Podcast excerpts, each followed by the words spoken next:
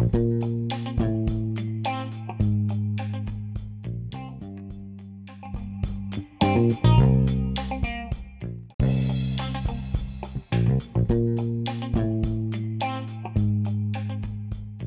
datang di SPBU Sudut Pandang Bayu untukmu. Kenalin, nama gue Bayu Dan gue akan menemani kalian untuk beberapa menit ke depan episode perdana SPBU kali ini Kita akan membahas tentang masalah sosial di segmen Social Life Dan masalah yang akan gue bahas kali ini Mengenai tentang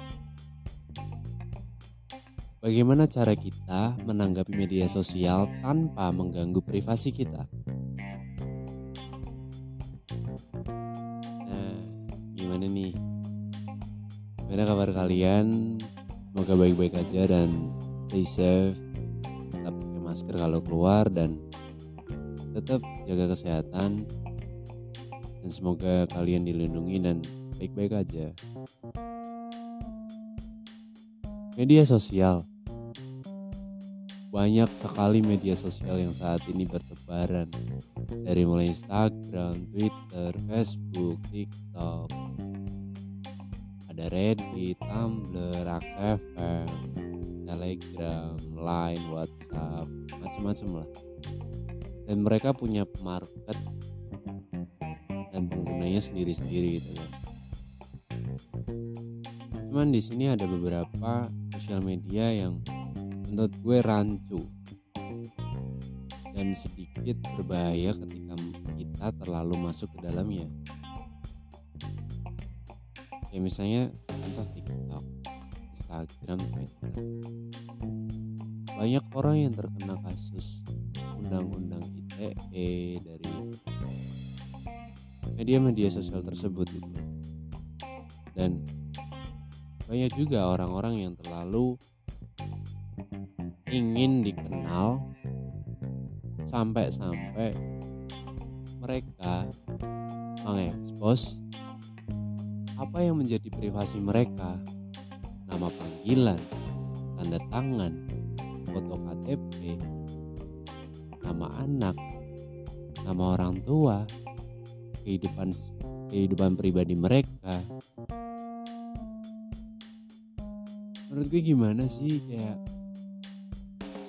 itu kan sosial media ya dan banyak orang yang bisa lihat gitu loh. Apakah kalian nggak takut? Jika tahu kalau misalnya kehidupan privasi yang harus kalian dan orang-orang terdekat kalian aja yang tahu. Diketahui orang-orang banyak dan kita nggak tahu orang itu siapa dan apakah orang itu baik atau jahat. Mereka punya niat baik atau punya niat buruk kita nggak tahu kan. Tapi kalian dengan santainya mau share apa yang jadi privasi kalian gitu. Di media sosial. Menurut gue kayak gue gak habis pikir aja sih.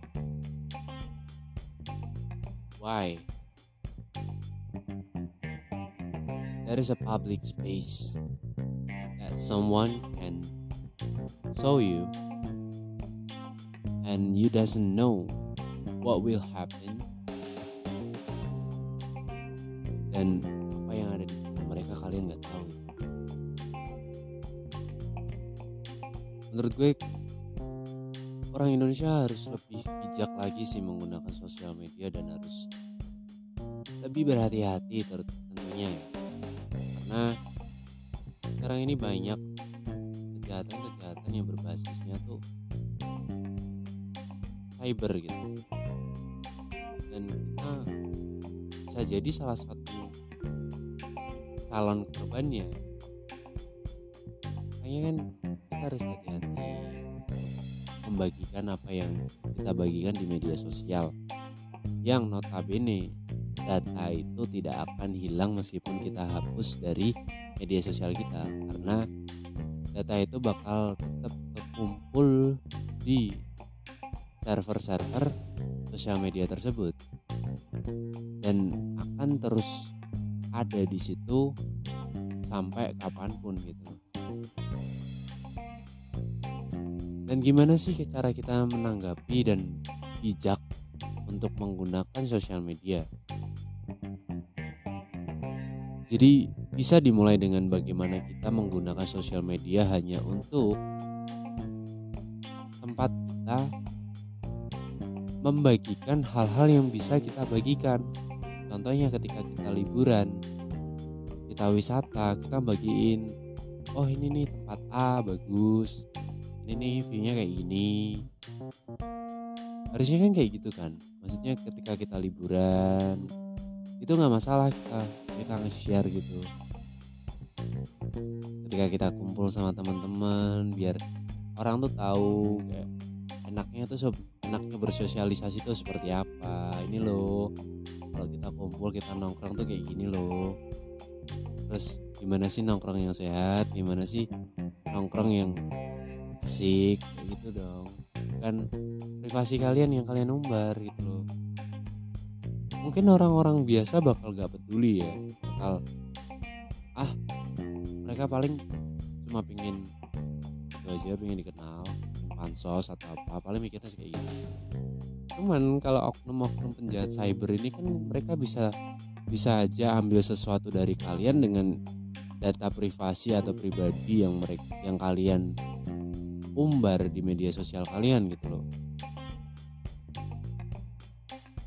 Dan kita tuh harusnya tuh berhati-hati tentang hal itu maksudnya kita harus peduli juga maksud gak semua orang yang ada di sosial media itu baik semua orang itu punya apa ya rasa untuk tidak mengurusi urusan orang lain. Karena selain penjahat cyber pun kan banyak orang-orang yang suka ngurusin hidup orang lain ngejulitin hidup orang lain gitu. Dan banyak orang yang suka menyebar kabar burung yang berisi berita-berita hoax dan isu gitu. Rumor isu banyak banget yang kayak gitu, gitu. Dan akhirnya banyak orang yang terserang mentalnya karena hal itu. Karena hal yang bukan kalian yang tidak kalian lakukan. Dan bukan kalian yang jadi oknum atau pelakunya tapi kalian yang tertuduh. Itu rasanya nggak enak banget dijamin deh pasti nggak enak banget. Kalian nggak salah apa-apa tapi disalahin gitu. Makanya mending untuk terhindar dari semua itu kita harus bijak membagikan apa yang jadi privasi kita dan apa yang memang jadi konsumsi publik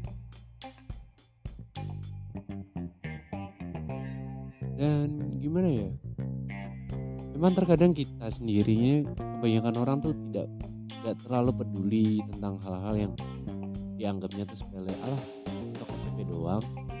Alah foto sim doang. Alah nama panggilan doang. Alah tanda tangan doang. Sekarang kalau kita pilah dan kita pikir baik-baik ya sekarang KTP aja tuh bisa buat pinjaman online. Meskipun ada verifikasi wajah yang kita foto dengan bawa KTP gitu ya. Tapi kan orang-orang yang punya keahlian di bidang cyber peretasan yang memang bekerja di tempat seperti itu di lingkungan seperti itu dan masuknya ke orang-orang yang punya niat jahat atau cyber kriminal tadi bisa aja ngedit bisa aja ngehack situs itu dan yang dimasukkan itu data kita. Apa enggak bakal rugi banget gitu loh. Dan bisa-bisa jadi orang yang dulunya wah kaya punya segalanya bisa jadi bangkrut. Dan privasi lo tersebar dan data lo dicuri There is a big problem. Dan kita perlu hati-hati tentunya. Dan selain itu juga, kalau misalnya mungkin kalian mikir, ah orang-orang yang kena cyberkriminal tuh biasanya orang-orang yang penting orang-orang yang berpengaruh di negara orang-orang yang punya uang banyak sedangkan gue kan nggak punya nggak punya uang yang banyak bukan konglomerat gue bukan orang yang terpandang. Gue bukan orang berpengaruh. Kenapa kalian nggak mikir? Kalau misalnya mungkin hari ini kalian bukan siapa-siapa. Tapi ke depannya ketika kalian jadi seorang yang penting. Entah itu public figure influencer pejabat negara atau apa pun itu. Privasi kalian tadi tuh udah kesebar nih. Dan hal itu bisa jadi bumerang buat kalian sendiri. Banyak kan kasus-kasus yang artis atau public figure yang terkena kasus karena hal-hal yang mereka simpan atau mereka abadikan di masa lalu. Ariel Noah. Sama sama Luna Maya sama Putari kalian tahu lah kasus itu beberapa tahun yang lalu. Itu hal yang terjadi jauh di belakang. Tapi ketika ada orang yang bisa meretas data pribadi kalian aib kalian tersebar seperti itu? Apakah kalian bisa baik-baik saja dengan hal itu apa kalian bisa bodo amat dengan hal itu bahkan meskipun kita nggak nge-share tapi orang lain yang nge-share tapi pelakunya itu yang ngelakuin hal seperti itu itu kita. Otomatis yang kena dampak yang lebih gede kan kita kalau misalnya kalian bilang oh gue kan nggak kayak gitu. Gue kan nggak nggak nggak ngelakuin hal kayak gitu. Gue baik-baik aja orangnya. Tapi apakah kalian nggak takut kalau identitas kalian nama kalian terus alamat kalian semuanya tersimpan dan dipakai hal-hal kejahatan bisa loh. Orang-orang yang memang punya niat jahat menggunakan identitas orang lain untuk melakukan tindak kriminal. Dan hal itu nggak cuma satu dua kali terjadi banyak kasusnya. Nggak cuma di dunia di Indonesia pun ada. Ayolah maksudnya coba kalian pikir lagi deh untuk share privasi kalian di sosial media dengan begitu mudah atau membagikan hal-hal yang sebenarnya itu hal yang jadi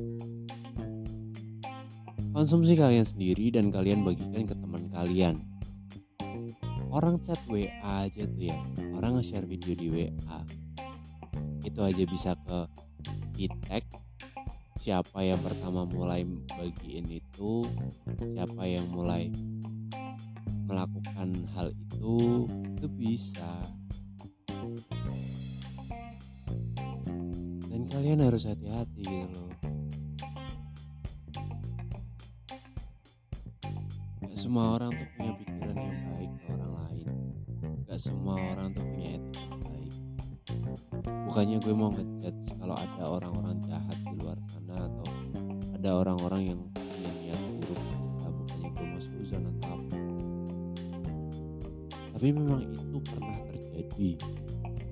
Dan kita juga perlu hati-hati kan nggak bisa maksudnya kita ngelakuin hal yang semena-mena aja gitu tuh nggak bisa kan. Dan perlunya kita untuk bijak dalam menggunakan media sosial tadi agar kesannya kita itu menjadi orang yang tidak termakan globalisasi tetapi kita memanfaatkan globalisasi sebaik mungkin. Gue suka orang yang yang pakai Instagram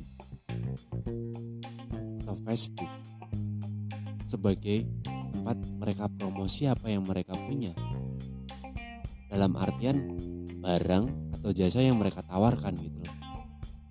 Gue suka kayak gitu itu menurut gue orang yang memanfaatkan media sosial dengan baik. Dan mereka dapat menghasilkan sesuatu dari mereka bermain media sosial itu. Gak hanya membuang waktu dengan cuma-cuma hanya untuk stalking lihat-lihat story orang julitin orang gak cuma kayak gitu mereka punya hasil yang mereka peroleh dari media sosial tersebut. Bahkan ada orang yang berkarya dari Instagram kemudian YouTube. Dari Instagram kemudian beralih ke YouTube dan sekarang beralih ke TikTok juga. Itu orang-orang yang menurut gue jenius. Karena mereka bisa menggunakan media common yang banyak orang pakai. Dan mereka tahu kalau misalnya mereka promosi di tempat itu apa yang mereka jual baik itu jasa atau produk dan mereka bisa dapetin konsumen dari promosi itu dengan secara cuma-cuma loh. Mereka promosi di Instagram dengan cuma posting foto ini itu kan nggak bayar Instagram kecuali mereka ikut program sponsorship yang ada di, di Instagram kan ada tuh.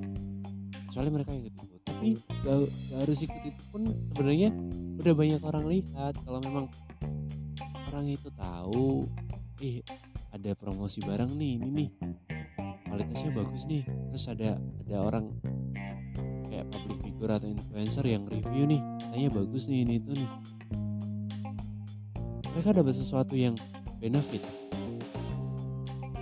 gak hanya sekedar membuang waktu berjam-jam di depan gawai mereka dan melewatkan kesempatan besar yang mereka bisa dapat.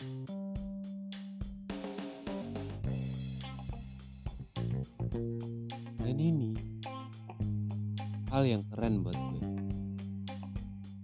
Kalau misalnya kalian cuma main sosial media hanya untuk nge-share privasi kalian dan membuka celah untuk kejahatan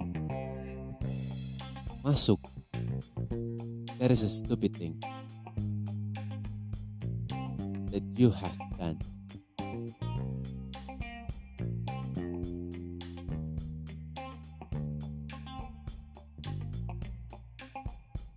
Terima kasih untuk mendengarkan apa yang jadi sudut pandang gue tentang sosial media dan apa yang jadi keresahan gue. Dan semoga podcast ini dapat membantu membantu kalian dan bisa menjadi apa ya mengubah bukan menjadi sih kayak menjadi seakan-akan gue membuat kalian bisa mengubah kalian membuka pola pola pikir kalian lebih bijak lagi menggunakan media sosial dan dapat memanfaatkan media sosial itu sebaik mungkin. Thank you for listening this podcast and I will be back later. See you on the next podcast. Thank you.